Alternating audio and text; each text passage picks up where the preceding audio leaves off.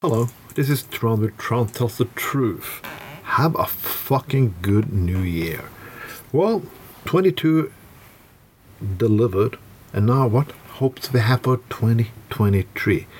Well, for the first time in many years, I actually have a little hope. I think there's something happening, yeah. Or you can say we still have a pandemic and we have a war in Ukraine and so on and so on. But I think there are about having something. And I think like today, maybe demo liberals and Democrats and so on, people who want human rights and democracy and so on, as taking back.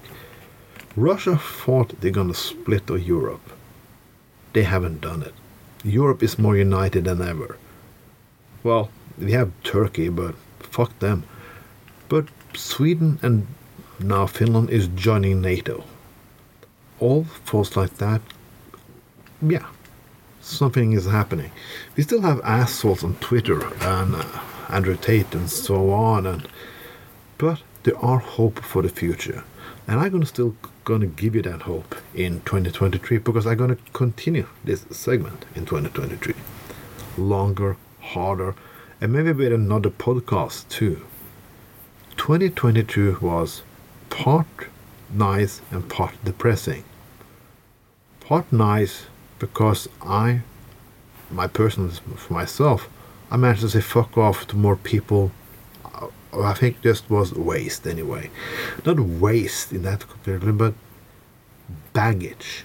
Too much fucking baggage. And that's what I want you also to do in 2023. Think about all the baggage you have in your life. People that you don't really need.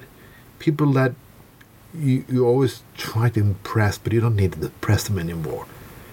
Be more self minded, individualist. Try to fight more for causes and things like that. Don't think about whether you're going to get a position in your political party organization. Do something not only to get likes on Facebook. Try to do something even if it's not popular because every big cause start with somebody f- opposes them and want to follow them and imprison them. There are things to be fought for. The election in the United States in November was a little bit hope and some little bit, yeah, shit. The Democrats didn't lose as much that they could have lost. That is not a fucking good sign, is it? Oh, you just all torture a little. You just have to spend tw- 10 instead of 20 years in prison. Not very good for it.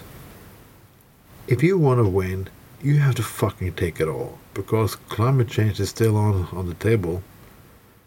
War is still on the table. Nuclear threats are still on the table. If you want to win, you cannot be like careful anymore. You can just do that. Oh, maybe you should hold a little back. You have to fucking give it the full fucking Monday. You have to go in with every fucking thing you can. 2023 should be the year everybody with a fucking brain strikes back. Back against oligarchs, even they are in Russia or in Washington or on the fucking Wall Street.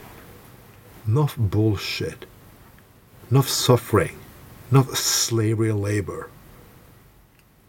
That's going to be part of what 23 is all about. It's not more a revolution now. It's a war against injustice and bullshit. A war. And we have to fucking take it in the streets, in the fucking courtrooms, and in the elections. This was Tron, where Tron tells the truth. Happy New Year.